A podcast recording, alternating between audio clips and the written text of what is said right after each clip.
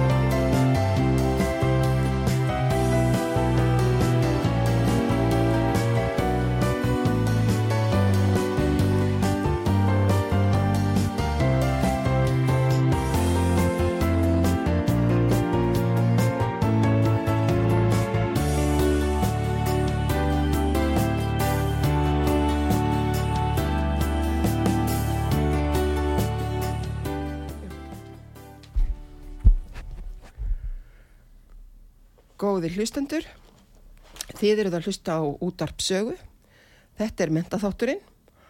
Ég heiti Valgerður Snæland Jónsdóttir og viðmælandi minn í dag er Páll Erlendsson, lærisveitn Sæ Baba. Velkomin í mentaspjallið Palli minn. Hvort að ég kallaði Palla eða Pál? Bara það sem vil, sko. takk hjálpa fyrir og takk fyrir að bjóða mér yngar. Bara dásan hlakka til að spjalla við þig. Páll var að gefa út bók sem að vakti aðtegli mína. Og hérna þessi bók, hún heitir Alin upp af Avatar, þroska saga lærisveins. Já, Bara til hamingi með bókina og til hamingi með fymtu sammælið. Þakka ekki hjálpa fyrir það. Hérna, ég átti einmitt ammali núna á sunnudaginn, Já. 4. februar Já, og gaf út bókina þá einmitt. já, einmitt. Og hérna, ég er búin að vita samt að ég myndi skrifa þessa bók frá að, hvað, 16 ára gammal. Þú sagðir það í ammælinu. Já. Það vakti líka undrin mín. Er þetta satt? Það er svo fyndið að ég vissi aldrei hvað ég ætlaði að verða í lífinu og vissi aldrei hvað myndi verða um lífið og við sátum með okkar vinninu saman og vinkonur þegar við vorum 16-17, ég held að vera 16 Já, og við varum að spjalla um framtíðin og hvað við ætlum að gera í lífinu og allir Já. er svona með ákvæmna framtíða sín já, uh, svo kom bara inn í vitundina mína eitthvað neginn í manna kom svona eins og elding. Já. ég ætla að skrifa bók. Já, og hérna eitthvað áhugaverða bók. Og á þessum tíma las ég eiginlega bara ekki bækur og hvað á að skrifa. Nei, og hérna svo bara, veist, var ekkert að hugsa út í það en svo breytist líf mitt mjög mikið þegar ég er 22 ára það er ég, nefnilega það. ég var unglingur, ég drakk ógislega mikið áfengi og reykti síkart og ógislega mikið kaffi, drikja og allt þetta sko Já, svo gerist eiginlega þetta ferli 1996 þegar ég er 22 ára já. það breytist rosalega margt í lífið mínu Heyrði, mér langar til, við förum aðeins sem punkti í lífið þínu aftur Akkurat, setna, en mér langar til að vita bara, þú ert fættur hvenar? 1974 Þú og þá 4. fædd- februar sem að Þú ert fættur 1974. já, á því herrans ári Heyrðu, veistu hvað? Það ár er samfélagið, íslenska, já, þá eru Íslandingar í rauninni að gera með sér ákveðin samning já, sem heitir eða hétt lög um grunnskóla. Fram að þeim tíma þá héttu skólanir í skólakerfinu okkar barnaskóli. Barnaskólinn var fyrir sjóra börn upp í tólvara börn. mhm, Ég gengi gegnum þann skóla því ég fætt 1950. ok. Í framhald af því kom svo kallaður gagfræðaskóli og hann var fjórir bekkir alls en við gátum tekið tvo bekki. Fyrst og annan bekkin í gagfræðaskóla þá vorum við orðin 14 ára. Og þá gátum við valið um að halda áfram í gagfræðaskólanum eða fara til dæmis í yðinskólan eða í vestlunaskólan og þá fórum við í þriðja bekk í vestlunaskólanum eða í þriðja bekk hérna, sem sagt, í framhaldsskólanum. Ok, Heyrðu en síðan í framhald af því þá var þriðji og fjórði bekkur í gagfræðaskóla og ég valdi þá leið. Mhm. en það var líka þriðji bekkurinn sem hétt landspró sem Já, hefur verið til umræðu hérna í þessum þáttum mentaspjálsins já, nema hvaða árið sem að þú fæðist Palli já, þá er komin þessi samningur sem ég vil meina. Samningur fyrir Ok. þig og þá sem að koma þarna á eftir fylgja börnin sem fylgja í kjölfarið ok, um grunnskóla. Og starfshættir grunnskólans, Palli, ok, áttu að mótast af gildum líðræðislegs samstarfs, já, kristilegs siðgæðis og umburðalindis.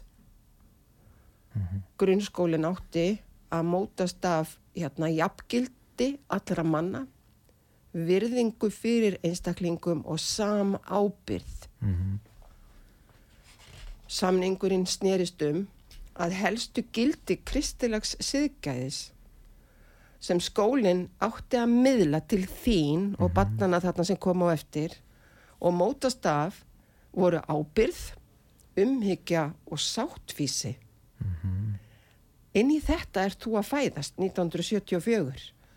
Heyrðu, og skólasamningurinn sem við vorum að gera hérna, þessi íslenska þjóð, snerist líka um skólan og samfélagið.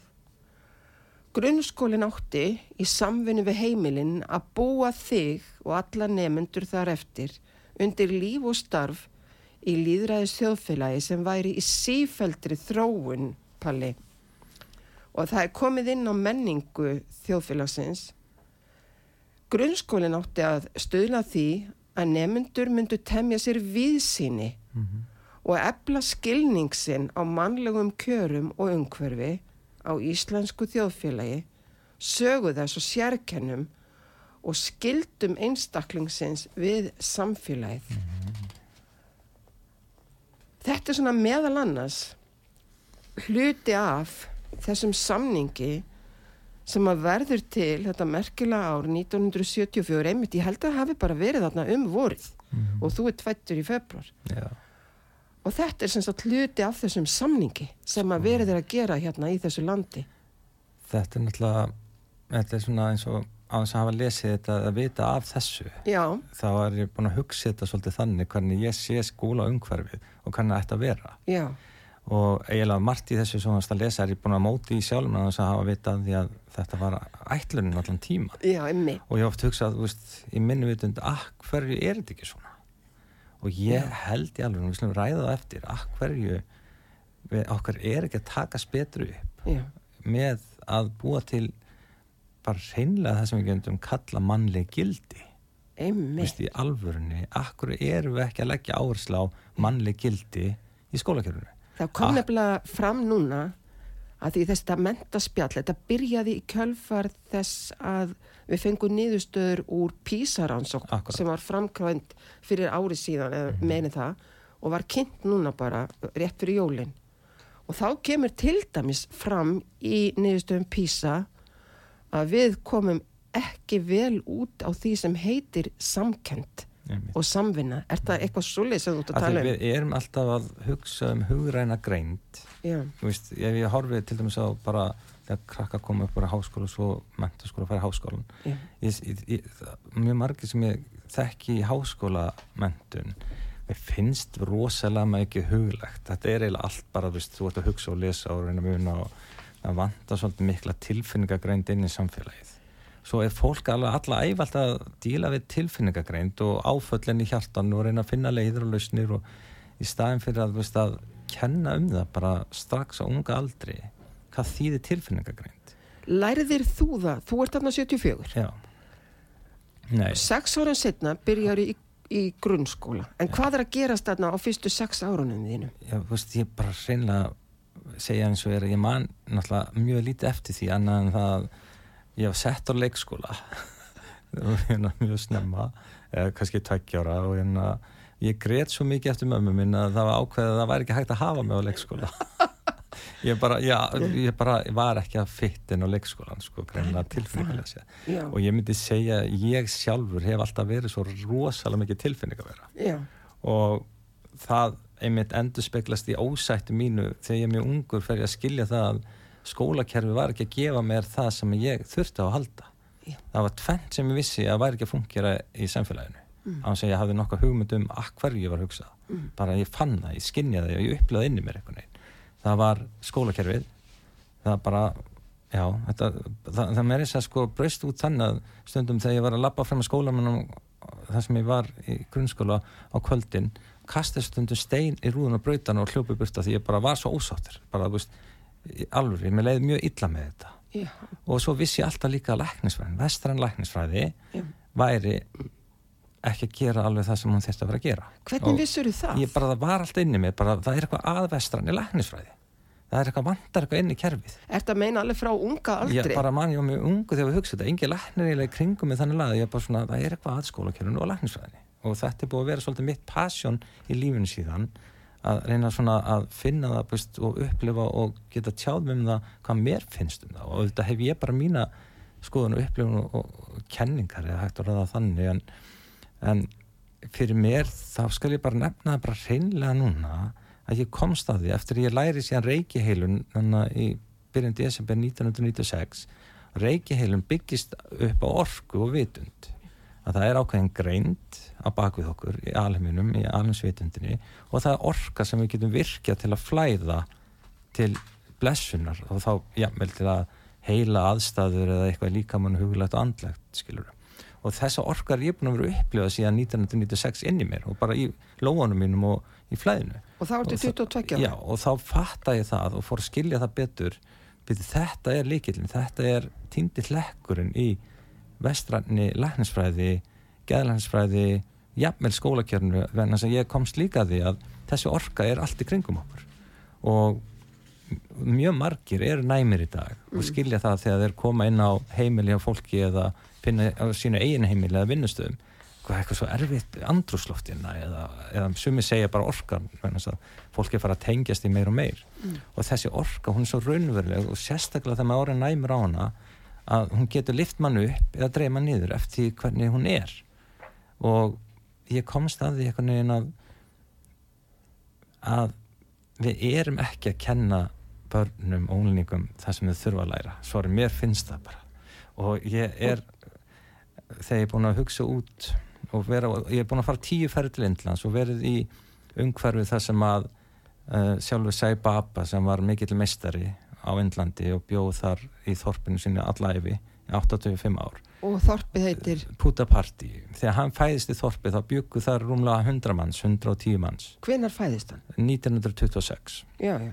og út frá því sem hann gerir og oft kallaði maður kraftaverkana þess að hann, hann gerði kraftaverk allæfi bara hverjum degi, allæfi alltaf að hann gæti efni spyrt hluti að vild. Hann þú veist, fólks, hann spurði fólk hvað það vildi, fólk nefndi eitthvað hann bjóð til á staðan og hann gerði þetta allæfi og engi vestlar og nálagt en eitt og, og með þess að einn vinkonu minn sem er indvesk, hún ólst upp í Hyderabad en var alltaf tengd sæ Baba frá því hún var ung en, en Hy- Hyderabad er sagt langt frá Puta Party sem Baba bjó. En í þar næsta húsi við hana þar sem hún ólst upp var maður sem ja, gamall að sæ Baba. Og hann var í sama skóla og í Beck og sæ Baba var í Puta Party það var lítill skóli, svona bara sveitaskóli. Já. og hann sagði mitt við þessa vinkonum minn að, að þeir vininni þeir voru í kringum Baba að, að hérna, þið, þið föttu það ekki strax að, að, hérna, að Baba veri raun og veru efnisbyrta hluti vegna þess að, að, að, að, að þetta bara kom frá honum og hann, þeir held að hann var að fá þetta eitthvað staðar en svo föttur það að það er engin vestlun nálagt og, og það sama hvað þeir báðum þá gat Baba alltaf búið það til og gaf þeim. Þannig að veist, þessi vera sem Sai Baba var hann eins og ég segi, gerði kraftaverk að læfi og hann, hann var þannig, hann vissi allt hann þekkti alla sem komið til hans. Hann talaði öll tungumál jarðar á hans hafa lærtu hann, hann talaði rúsnesku við rússa.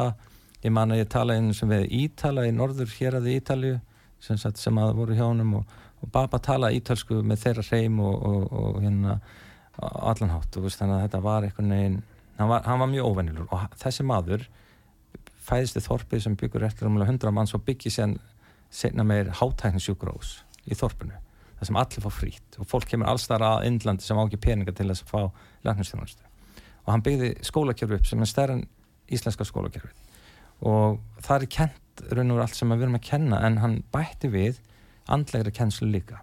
Og það er það sem mér finnst við þurfa að halda.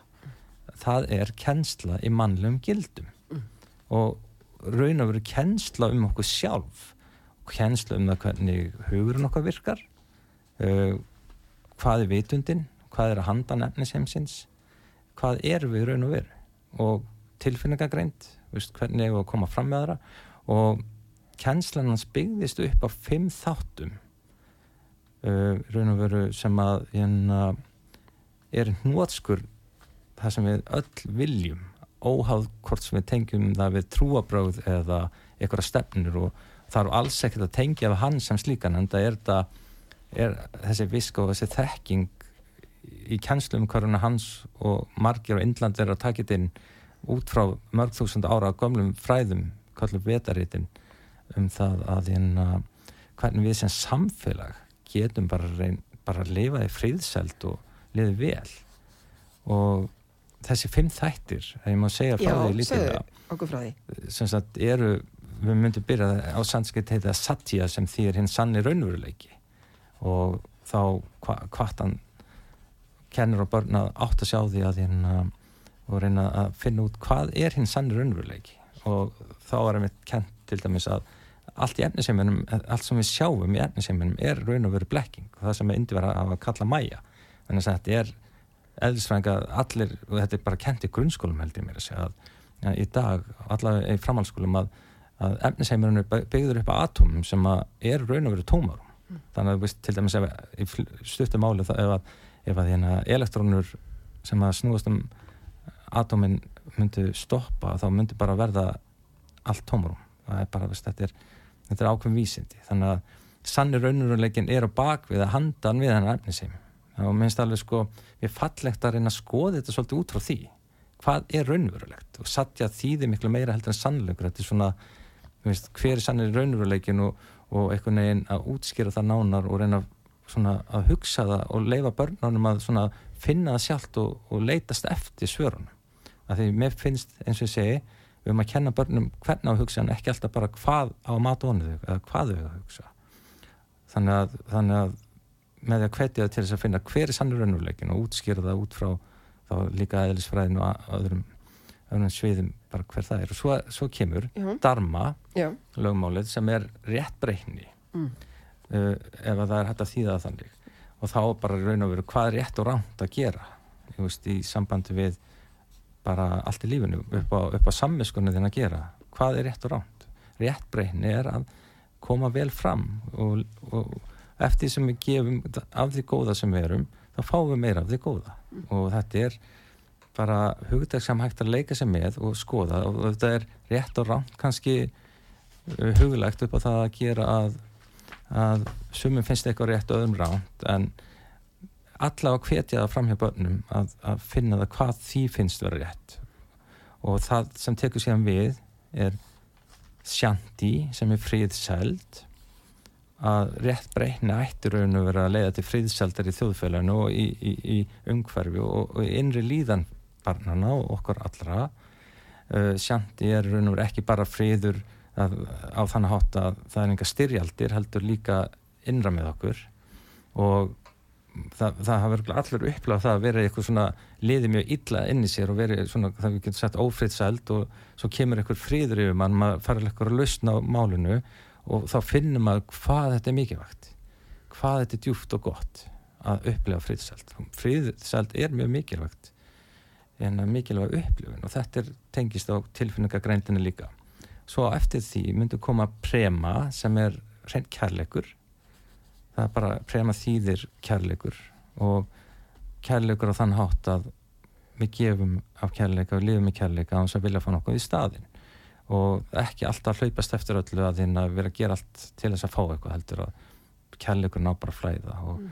og það er einmitt til dæmis í reiki eins og við talum á hann þá erum við að miðla þessar orku og þá erum við að reynlega að gefa kærleika með orkunni sem við gefum.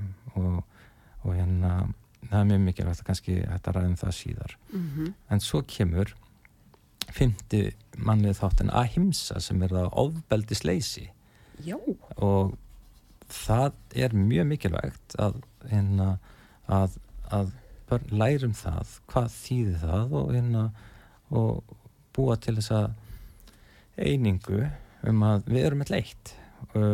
Þessi kjarni og svo í miðjunni í, af þessum fimm mannlegildum er þá sem sagt sannleikunum um eininguna. Unity eða að við erum öll sem sál eða vitund eitt innra með okkur. Og þetta finnst mér tengjast með kenningum og kennslu stóru meistaran eins og Jésu og Búta og Ram og Krishna og svo aftur Sai Baba tala mjög mikið um einingu. Að við værum öll eitt, komið fram við aðra eins og þið vilja aðra komið fram við en þess að, það er gullna reglan í því að, því þú ert hinn aðilinn í raun og veru. Já, ekki líka veist, innra Já, og allt sem þú gerur öðrum Já. það þarf þú að upplifa einn daginn síðan það er lögmál. Já. og það eru ákveðin lögmál í einingunni sem við erum ekki að sjá og höfum ekki að upplifa og vitum hreinlega ekki. Eins og, eins og það að hérna allt sem þú dæmir sannlega dæmir illa og, og veist, ert mjög að, dómharð gangvart. Þú þarft einn daginn að upplifa að vera í sömu stöðu og það sem þú dæmir. Það getur liðið alveg góða tími en þú þarft áttaði á því að það sem þú ert að dæma er bara partur af þér af því að í einingu þá veist að þú ert allt saman. Þetta er ástand svona, þetta einingar ástand það sem þú sérð allt og alla sem sjálfa þig er kallað samati og mér finnst þetta skipta mér mjög miklu máli verðin þess að Sæ Baba tala mikið um þetta og Jésús líka, hann sagði allt sem ég gerir eitthvað minnsta bróður er það að gera mér einmitt. og hann var alltaf að tala um það, ég var fadurinn reitt hann, hann sá alla sem sjálfan sig Já. og það er eitthvað sem ég myndi segja öll lögmál, öll Mm. kennsla í grunnskóla, mentaskóla, háskóla ætti að raun og vera að snúast um og sé alltaf sprett út frá því Mm. og það er lögmál einingar eitt, nummer 1 og 3, það er bara Mm. sem öll lögmál, önnu lögmál eiga að byggjast á, menn þess að út frá því lögmáli þá þá getum við breytt heiminum og að hérna, þessi lögmál sem við erum að tala með mannleg gildi þau eru öll sprottin út frá þessu lögmáli að hérna, gera samfélagi bara betra fyrir okkur öll og við viljum það öll Það myndi allir leggja niður vopn. við sko við viljum það öll Já, það, það viljum við það, öll, einmitt. það var vitringur á á Indlandi sem hétt Raman Mahershi og hann var spurður að því að læri sinu sinum hvernig eigum við að koma fram við aðra Ramana Ramana svaraði bara það er engir aðrir Mm. og leiðu við byrjum að sjá það svona og út frá mentaspjallinu og Já. mentamálum samkvæmt þessum lögumálum þá er svo auðvelt að breyta þessi kerfinu að láta börn bara hreinlega fara að búa til myndir, sögur og og bara hvetja uh, svona sköpunarkraftin hjá börnum Mm. að búa til eitthvað tengt þessu öllu. Já, að hérna, að hérna veist, á, á, á eins margvíslan hátt og hægt er. Alvörunni. Þetta er rosalega einfalt Já, sko, og það er munur á þekking og visku. Þetta er Já. pjúra viska. Já. þetta er það sem að sálinn hefur. Einmitt, þekking er líka mikilvæg það sem að maður lærir þá á bókum og einu annan hátt. En, en viskan Já. kemur þegar fólk og börn skapar og Já. býr til þetta ástand að, að ég mitt að upplifa einingu vita það að vera með leitt og, og rétt breyhni einn sannur raunveruleiki, friðseldin kærleikurinn og ekkert ofbeldi er eitthvað sem skiptur okkur öll máli og þarf ekki að vera tengt neinu trúabröðum þetta er bara mannleg gildi sem við erum svona flest samalum Palli, við stefnum á Já. þetta. er það ekki? Góðir hlustendur. Við erum hérna stödd í mentaspjallinu á útvarpi sögu. Ég heiti Valgeri Snæland Jónsdóttir og viðmælandi minn í dag í mentaspjallinu er Páll Erlendsson, hann Palli, Sæ Baba, Læri Svett með meiru. Margt sem ég get hérna sagt um þig, Palli minn, en nú er komið að auglýsingum þósteinn, er það ekki?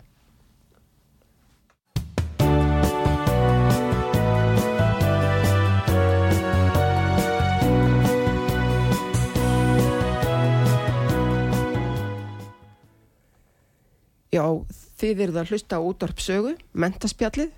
Ég, Valgeri Snæland Jónsdóttir og viðmælandi minn, Páll Erlendsson. Ég veit ekki, það bara dugar ekki að tala um þig bara sem sæbaba læri svein. Læri svein sæbaba, En við hérna- það þess að, að það, það segir margt um mig. Ég, ég kynni Sæbaba 1996 já, og, og hann gerir svo margt fyrir mig og, og Já. reyndar fullt af kraftverkum og Já. ímislegt sem hann sannaði fyrir mér að, já. að hérna, Og þú sem sagt kynnist honum bara hérna, augliti til auglitis. Þú Já, ert já. bara með honum, ekki bara í Sko, bókum eða bókalestri eða eitthvað svo leiðis. í bókin sem ég gaf út Já. alveg upp á Avatar Já. og Avatar orðið, það er svo Já. skemmtilegt Já. að þetta er mörg, mörg, mörg þúsund ára gamalt orð á Já, einmitt. og, þeir sem gerði myndina Avatar er mitt fengu þetta frá þeim á Indlandi Já. að nota orðið Avatar. Já, en Avatar er búið að vera þekkt í held ég við 20.000 ár. Já, og þýðir þegar guðdómlega vera kemur á jörðina í líkama þá kallast slíkt Avatar. Já. þeir, þeir kalla þetta guðdómlega holgun eða, já, þegar guð kemur líka maður þá er þetta avatar og þetta er, þetta er mjög stórt sko. þetta, Já, er, er, er hjúts þegar avatar kemur á jörðina og Vá. er að hjálpa okkur sko. Við erum alltaf að býða eftir honum. já, já, hann, í rauninni er það ekki. hann, hann er búin, úst, Já, hann er búin að vera koma sennilega nokkru sinnum. já, hann, gerir það Já, heyrðu, þú varst að tala um þessi fimm stig þarna áðan, ósvölega spennandi. og Fimm ég sé, já, fimm þættir, og, já, ekki stig, heldur þættir. Og sem að við, hérna, um manngildi, nema hvaða, já, ég þykist sjá sem sagt, bara að það er margt þarna sameiginlegt til dæmis með fjallaræðunni hjá Jésu Kristi og, og gullnu reglinni og allt þetta, þannig að það verið gaman að skoða þetta svolítið og byrja þetta saman, en ég var nefnilega, ég heyrði á, hérna, tal uh, fólks í síðustu viku ok, um, sem er, hefur verið að vinna með börnum á Íslandi. Já, ég man ekki hvort það var í, hérna, í félagsmiðstöðum eða bara í einhverju öðru starfi. Og þau hefðu orð á því að erlendu börnin sem væri nýkomin til Íslands Já. eða ekkert nýkomin, eitthvað undanfæri nár og af erlendum sem svo toga að þau sem eru katholsk, þau tala um trúna sína. Einmitt. Og það var einhver að tala um sem sagt líka í sambandi við, hérna, það voru einhverju múslimar og þeir tala líka um trúna sína, börn, börn þeirra. En íslensku börnin tala aldrei um trú. Einmitt, ekki um að þau séu kristin eða, eða eitthvað annað. Mér fannst þetta svona aðtiklisvert að því að þú hefur náttúrulega ekki fylgst með því en hérna 2008 þá var ákveð að taka kristinfræði út úr námskrá og 2013 að þá kom það til framkvæmda. Þannig að í langan tíma þá hefur ekki mátt og það, ég meina það má ekki að koma inn í grunnskóla í dag ákveði fyrst hjá Reykjavíkuborg sem að er af kristnum toga eða eitthvað slikt skilu þannig að hérna, en sko við erum svolítið feimin við trúabröð já, er það ekki? hvernig útskýrir þetta? nú get ég bara svolítið að því ég er hvaða vesen er avatar. Þetta? Avatarinn hann sá um mína kennslu. En þú veist það ekki fyrir sem ég- 22 ára eða já, já, veist ég, ég, ég fatta þá líka að hann var búin að vera með mér allæfi uh, avatar getur verið með manni sama hvað maður Já, Og emmitt það er löngsaga en það er í bókinni svo raun og veru þannig að það er vant að fara í það núna. Já, en avatar er óháðu trúabröð sann kemur hann fyrir trúabröðin líka. Og það sem Sai Baba gerði var það að hann samænaði trúabröð hann sagði að það væri sami kjarni, það væri bara einn guð á bakvið öll trúabröðin já, uh, eins, eins langt á það nær að hérna, þau eru fullkomin í ófullkomleika sínum. Það Já. er bara þannig og, já, og hafa mikið að gefa og ég er mjög þakkláttu fyrir trúabröðin að þau séu til. Já, en, en hann síndi það að það er hann sagði ef þú er kristinn, já, halda áfram að vera kristinn. Uh, en, en verður góður Já. startu því það að veist, ef hægt er orðað að bara haga þig vel. Já, hann Já, sagði þetta saman búttista, hindu og, og múslima. Já, bara, veist, haldi áfram að hérna, að, að, að tilbýða það sem þið viljið og hjarta eitthvað segir. Já, en fylgi þessi mannlegu gildum. Ef, að, ef, Einmitt. að, ef, að, ef þið farið eitthvað neginn út fyrir þau að vilja meiða fólki eða koma illa fram og vera mikill ófriðseld og, og allt þetta þá, þá er þið ekki að fylgja því sem að þau eiga að vera að kenna okkur þessi fallegu trúbarað okkar emmitt þannig að eins og ég segi einingin er aðalagmálið og allt Einmitt. annað sprettur út frá því Já, og leiðu við fyrir að sjá það á þann hátt með trúabröðin að við erum fann að skada aðra þar með að skada okkur sjálf þá er, þá er komið ójamægi í vitundinni, þá er komið ójamægi í lífinu og þetta er ekki það sem Guð vill. En líf þitt hefur ekkert alltaf verið dansa á rósum. Nei, veist, ég var alltaf tilfinningarnæmur og lítill í mig þegar ég var lítill og, Já. og næmleiki minn brast út í því að ég fann tilfinningar fólks, hvernig fólk hugsaði mig eða svona, hvernig var að vera kringu fólk og ég fann svo mikið hvað ef fólk líkaði við mig ekki og, og það var stundum óþægilega mikið.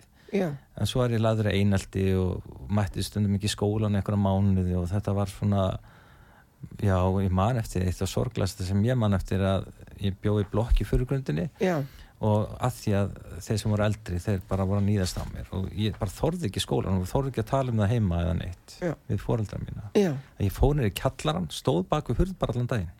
Já, bara fór ekki, var bara þetta skólan vera búinn þá fór ég upp já, og veistu, það er alveg, veist, mér sorglegt að hugsa út í það, Veistu það? Að, barn hafi þurft að upplifa slíkt. Ekki alls fyrir löngu. já, Þá kom rúmlega 60 maður til mín. Já, sem var í Vesturbænum í Reykjavík Já. í skóla.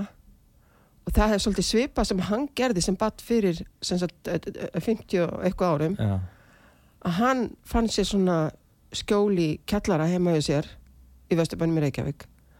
Og hann skildi skólatöskunni sína eftir þarna í kjallaranum í myrkrinni þar sem ekkert var um að vera. Já, og fór síðan bara að lappa, lappaði kringum tjötnina og kom við í myndabókabúðum og svo les já, og svo bara lappaði hann og lappaði til háttegis og fór svo heim og náði skólatöskuna þarna í kjallaranum og var þá komin heim bara á réttum tíma og allir held að hann veri koma úr skólanum. Ég fer með fólk í svona heilunagöngur til þess að fara í gegnum þessi gömlu ferli en opbúslega aðtiklisvært að þú skuli segja þetta. Já. Hvern, hvernig uppgötaðist þetta? Já, svo bara náttúrulega kemur ljósi ég er ekki í skólan eitthvað tíma og veist, það er náttúrulega haft samband við foreldra og, og það var, veist, það var ekkert síðan ítt á mig strax að fara í skólan það voru bara allir að skilja það að mér reyði mjög illa. Og, og eins og segi að ég hefði viljað að skólakerfi væri öðru sér uppbyggt, Já. það væri meiri tilfinnagrein Já. hefði verið kennsla í mannlegu gildum hvernig við erum að koma fram með hvort annað og bara allt sem tengist við já, þá hefði þetta bóka verið auðvöldar fyrir mig og margaðra já, og sama ávið í dag. Vist, það er bara staðrind, mm. í alvörunni. Þetta er svo augljóst. Já, það er svo margt augljóst en við bara fylgjum ekki eða reynum ekki að breyta það eftir, eftir þótt þetta sé svona augljóst. Já. Við erum Og- að tala um í PISA að einhver 40% drengja hérna, eru ekki að skilja það sem að þeir eru, einmitt. e, eru prófaðir í nýjunda bekk og það, svo er líka talað um sko um 20% stúlkna sko. Hvernig heldur þessum krökkum líði? sko, já, einmitt þú veist það er svo breytti tímar í dag samt þú veist Já. að því fólk er að fá mentun sína mikið í gernum síman, tölfur og svona tæknina Já. þannátt, Já. það er eins og ég á marga vini og vinkon sem er talsvelt yngra ég Mm. Og þau, þau lesa frekar, googla og lesa veist, það er mikið upplýsingaflæði og veist, fólk sækist eftir krakkar sækist eftir því flæði og upplýsingum sem það vil nálgast Mm. það er mjög auðvelt allt öðru sem þegar við vorum ung Mm. en við erum að tala um, við erum bara í nótskur hvernig kerfið okkar byggist upp Já, og hvað við viljum kenna börnunum einmitt. og ég myndi bara vilja sjá að það er tala með einu vitund, huga, orku og hvernig við eigum að læra hvernig við getum sóst eftir eftir hérna viskunni og þekkingunni sjálf og einmitt að búa til ramma utan um það hvernig við getum látið þau skapa betri heim með að byrja með unga að kenna þeim að skapa betri heim Mm. skilur að þau þau bara reynilega, það verður bara verkan með verða veist, hvernig viltu sjá þetta, hvað þýði þessi hugtök, sannir raunveruleiki rétt breytni, fríðiseld kærleikur og ekkert óbeldi hvað, hvað þýðir þetta í okkar persónarlífum Mm. og svo aftur þá þjóðfélagslega og svo fyrir hnöttin sem slíkan. Þú veist, þetta er það þarf að byrja snemma. Mm. og þá getum við framtíðinni farið að sé, sjá breytingar. Mhm. uh, en þetta er svolítið mikið í okkar höndum. Já, það er einmitt. það alltaf sko, Vist, við ráðum alveg. Uh, avatar kemur á jörðina til þess að kenna okkur leiðina. Mm. og svo segir hann, svo er þetta í ekkert hundur að koma sér áfram Mm. Vist, að, hérna, að sé hægt að gera eitthvað með þetta En hvernig hérna, hvernig vannst þú þig svona út úr þessu?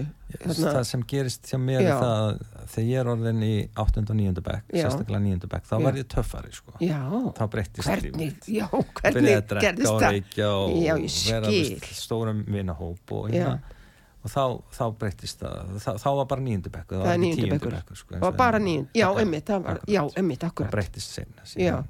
þannig í Og- níundabekk þá brýst þessi palli út. já, og Já. ég, ég var töffarinn og, og, og jammið og allt þetta sko. Já. og hérna stelpur og Já. annað uh, Heyrðu, ég hef verið að dáliða svolítið í gegnum tíðina já, og dáliða sem sagt, fólk sem vil hætta að reykja og það er eiginlega upp til hópa að fólk hefur byrjað að reykja þarna á þessu ári. Ha, merkilegt og það er fyrir svona félagslegan þrýsting. Hvað segirðu? Þarna Já, gerist 15, 16 þetta. Ég byrjaði ekki að drekka og, og veist, mjög mikið sko, mjög mikið jam En þú hefur ekki, Og- ég trúði ekki að þú hefur verið að skada aðra en þú hefur kannski ég- verið að ég- skada ég sko, sjálfa Ég þig. var aldrei að skada aðra og Nei. ég, ég kom staðið líka þegar, þegar heilunarferðin mitt byrjaði þegar ég var 22 að ég var sennilega orðin bara mjög þunglindur út af því hvernig allt Já.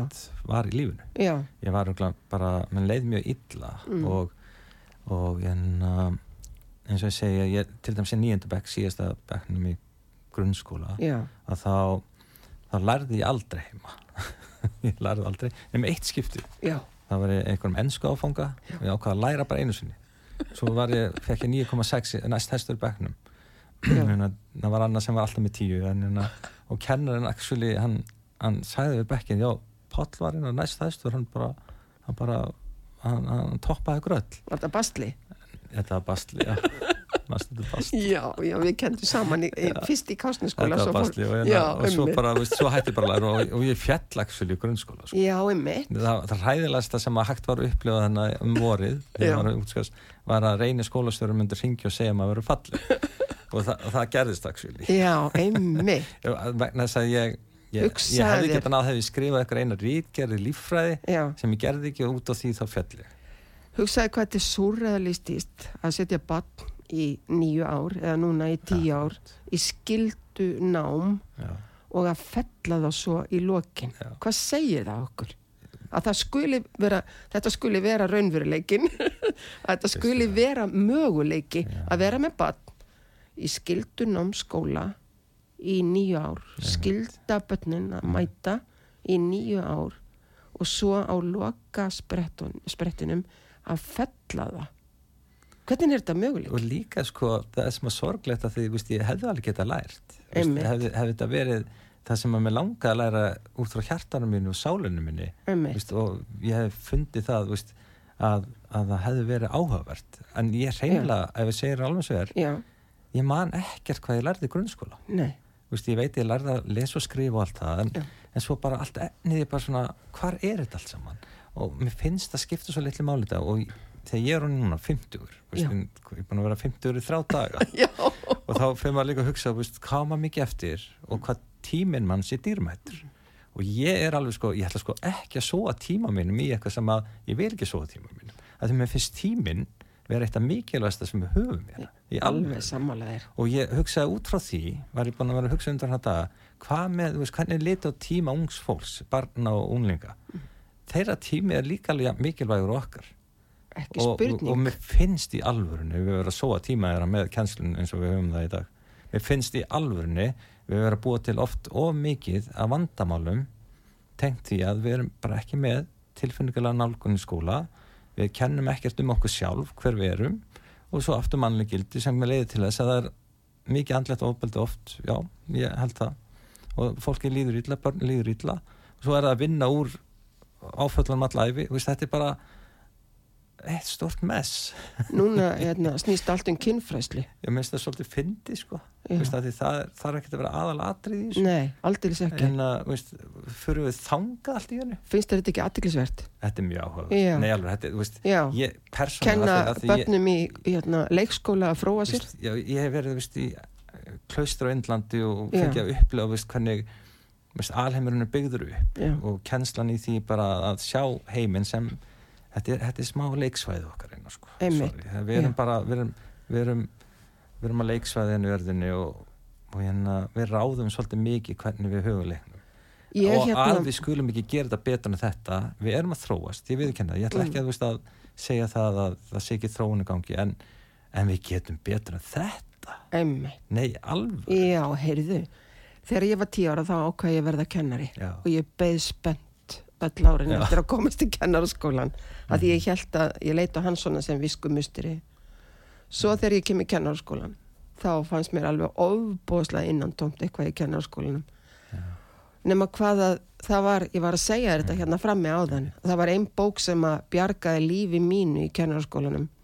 Og það var ofvitin eftir Þórberg Þórðarsson hann var líka búinn að býða í langan tíma eftir að komast í kennaraskólan dreymdu um að komast í visku musterið sem hann talaði um.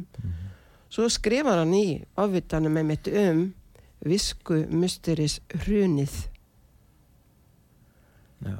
þá, kom, þá fannst honum ekki vera þess veriði að sækja kennaraskólan til þess að læra um það hver margir hnífar væru framleitir í Sheffield.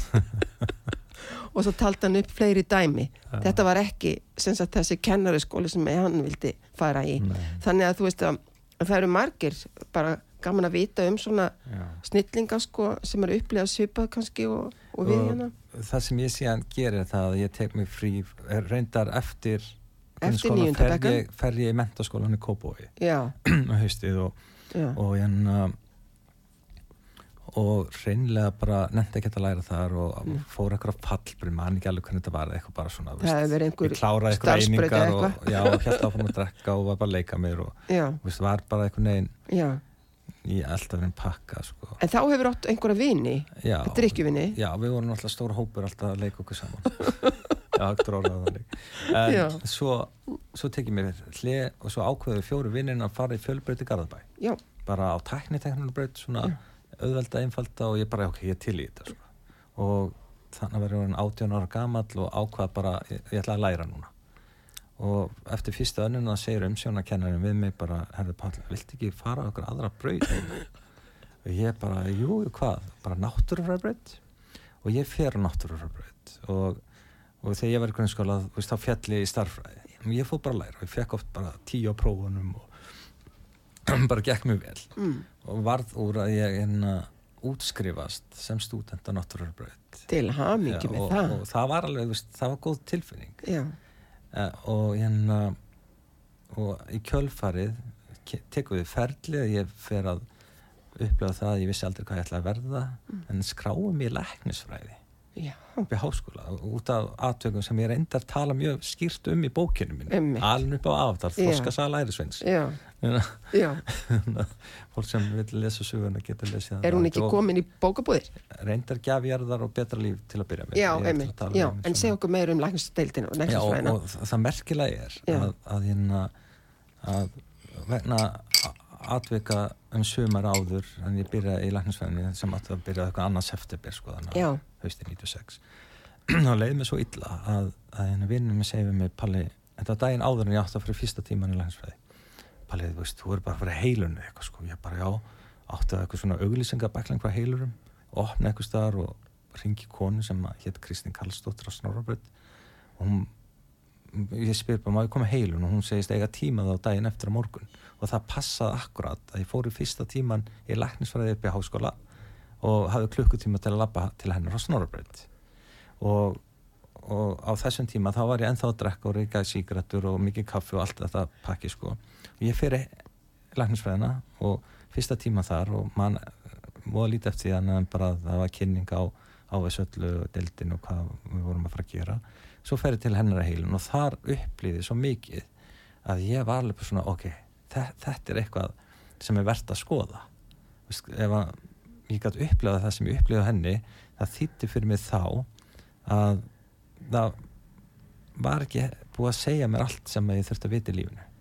Ég upplifði actually mikla orku og ég fór einhvern veginn úr líkamannum í vitundin upp í alheimin og fann bara algjört algjörða friðseld lausu alla áhugjör og kvíða og allt saman og ég var bara, vá hvað þetta er gott. Að þetta ástand var til að vera í ástandi það sem að maður var áhugjulaus ekki með kvíða, leið, leiði gilla ekki þunglindur. Heldur var einhvern veginn bara í svo miklu kærleik og friðseld að, að hérna, ég hefði aldrei upplifað svona. Þú ert svo kem ég tilbaka og hún kveði mig og segir að Pálminn farði að lifðu lífinu þínu og verði ekki að spá í því sem ég var að gera. Og ég bara, yeah right. Svo held ég áfram að bara sækja tíma upp í háskóla og, og máli er þá hætti ég að drekka. Það er reyndar einu annan ástaf fyrir því en, líka, en ég hætti bara að drekka og hef ekki drukkið síðan. Þannig Það er að það. 96 ég, bara, ég hætti og það tók alveg á því tvað þrjá vikur að þetta er fíkn í þessu. Já. það er bara staðrind Já, og þetta var vond en ég hætti. Og hérna svo var ferlið mitt bara reynlega eftir þann tíma að ég fór að kynnast Sai Baba að ég fór að stunda kínumska leikumi sem heit Qigong það heiti Mm. Qigong. Og þar voru myndir í seturinn sem ég var af Baba og hægt og róla fór hann að koma til mín og svo fór hann að gera actually kraftaverk fyrir mig sem er í bókinni líka. Bæði búk. En ég, alveg þetta er áhugavert ferli sem ég fekk út frá því að hefur spruttið, sprottið fram svona áhugum minn á svo mörgum sviðum. Einmitt. að því ég sé allt út frá einingu. Mm. bara aðalagmálið er unity að við erum alltaf eitt í vitundinni. Og svo einmitt að skinja það að að hérna, að hérna allir ángar einingar skipta máli mentamálum í, í læknisfræðinni í bara öllum sviðum. Já, stjórnmálum hvernig myndi stjórnmálum vera ef við myndum vinna út frá því að við erum alltaf eitt og allt sem við erum að gera erum við raun og vera að gera fyrir okkur sjálf ég að aldrei er- skilið að alþingi þurfi endilega alltaf að skiptast í hérna, þá sem er í stjórn og hinnar sem eru stjórnar andstöði. Og stjórnar er þarf alltaf að vera fyndið. á móti og þeir sem eru hinum einn þurfa líka alltaf að vera á móti. Það er alltaf mér, tókstreita. mér finnst eins og við sem að vaksa upp úr söllu Er og mér finnst líka núna mér finnst eins og stríð, fólk er bara svona veistu, við, þetta er eitthvað tímaskekkja Já, nei einmitt. alveg, Já. veistu, við erum að lifa tímaskekkju Já, þetta er veist, eitthvað neginn ég held að allir sem við sammálum bara veitu, það er eitthvað ekki alveg að virka og þetta snýst um að breyta hugsunahættinum og hva, og, og sjá hver við erum í raun og. Einmitt. Þetta Ég held snýst um nefnilega að. Ísland er í líkil stöðu Já. til þess að fara í eitthvað svona friðar hlutverk í alvörinni, skiluri. Við eigum ekki að vera að taka þátt í öllum Nei, þessum átökum. veist, já, bara málið, eitt sem ég komst líka að, Já. eins og ég sagði upp af að það er orka í öllu í, á heimilun okkar er orka Já, stundum er þung, stundum er létt og góð og þetta er, þetta er svolítið ástand sálar ástand þeirra sem bjú búa þar og í vinnustæðanum, í bílnum jámel þjóðfélagi Mm. og að mér finnst orkuvísindin vera mjög áhugavert mm. að því ég hef actually farið heim til mannesku sem var nýfluttin á heimili Mm. og það var mjög erfitt ástand þar orkulega því að manneski sem bjóðar að var mjög neikvað og, og já, mjög neikvað einstaklingur sem bjóðar fyrir og hún var bara þunglind að því að búa þar eftir eina viku Mm. og komin á liv og allt saman og tala við mig eftir nokkra mánuði ég reynsaði út orkuna Mm. ég var nýjórn reykjamistari þá og hún hætti á þunglindslifi að það bara breytist orkaninn á heimilinu þannig að veist, í alvörunni orkan sem við gefum frá okkur og við búum til inn á heimilum vinnustöðum og hvar sem er er mjög mikilvæg og þetta finnst mér að ætti bara hreinlega að kenna mjög snemma að við höfum öll þessu orku og allt sem við hugsum sendum frá okkur, það litar umhverju okkar Mm. þetta er partur af andlegri kennslu sem Sai Baba kennir líka í skólanum. Mm. mannleg gildi, orku vísindin og svo aftur allt um eininguna, að við erum öll eitt og sjá heldar myndina fyrir ykkur að vera alltaf að skjóta hvort annað. Menn þess að það eru lögmál allt sem þú dæmir, þar þarf þú einn daginn sjálf upplifa til dæmis og allt sem þú gerur öðrum ert að gera hvað þér allt sem þú lætur aðra upplifa far þú einn daginn upplifa líka. Þannig að þetta er, þetta er lögmálin eins og ég er búin að læra þau og, og upplifa og búin að sjá í mínu lífi er að virka fyrir mig að fylgja sem best Ég veit að þetta hljóma svona eins og loka orð já, en Já. við hefum örfáar mínútur eftir. Dásamlegt. Og hérna hvað finnst þér svona bara hvaða hérna bara ráð til okkar sem þjóðar, Palli minn, með alla þína reynslu? eitt sem ég myndi segja öllum að gera saman hversu gamlir þeir eru Já. saman hversu reyndir þeir eru hversu andlir þeir eru Já, það er hreinlega að setjast niður, fara inn í herbyggi eitthvað gott rými má vera í kirkju eða bara hvar sem er inn á heimilinu setjast niður og ekki kalla þetta neitt ekki hugleðslu eða bæn neitt setjast bara með sjálfum sér. Taka eftir því sem er að gerast innan með því er að gerast í hugan sitja með sjálfum sér til að upplifa sig til að upplifa meira af sjálfu sér og meira af sér og meira af sér. Og þannig við að svona fá kannski meiri meðvitund um það hvað erum. Að því ég gæti verið að tala um alls konar tekni, möndur og annað hugleislu, aðferður og allt þetta. Mm. en ef það var eitthvað eitt fyrir alla þá er það þetta. Sestu niður eitthvað stær og ég held að Jésús hafi talað um þetta þannig að lokaðu hurðina herbygginu þínu og þú veist að leita inn á við. Veist, þetta er í öllum trúabröðum Mm. vertu meira af þér leifðu því góða sem býr innan með þér að við búum öll yfir, öllum eiginleikum. Allt það dýrslega og það vonda er innan með okkur og líka allt það guðdamlega og góða. Þetta er bara spurning um það hvað viljum við tjá í okkar lífi og vera meðvituð um það sem við tjáum og til þess að fara inn á við leita eftir því dýfstu og besta þurfa að setjast niður með því og leifa því að vaksa hjá okkur. Og það ætlum við öll að gera. Það er það sem framtíðin býður upp á. Það er alveg á hrein og, og hérna, ég ætla að skjóta inn ég ætla að hérna, hérna, skila kvæði til nönnu sem er að hlusta á mig.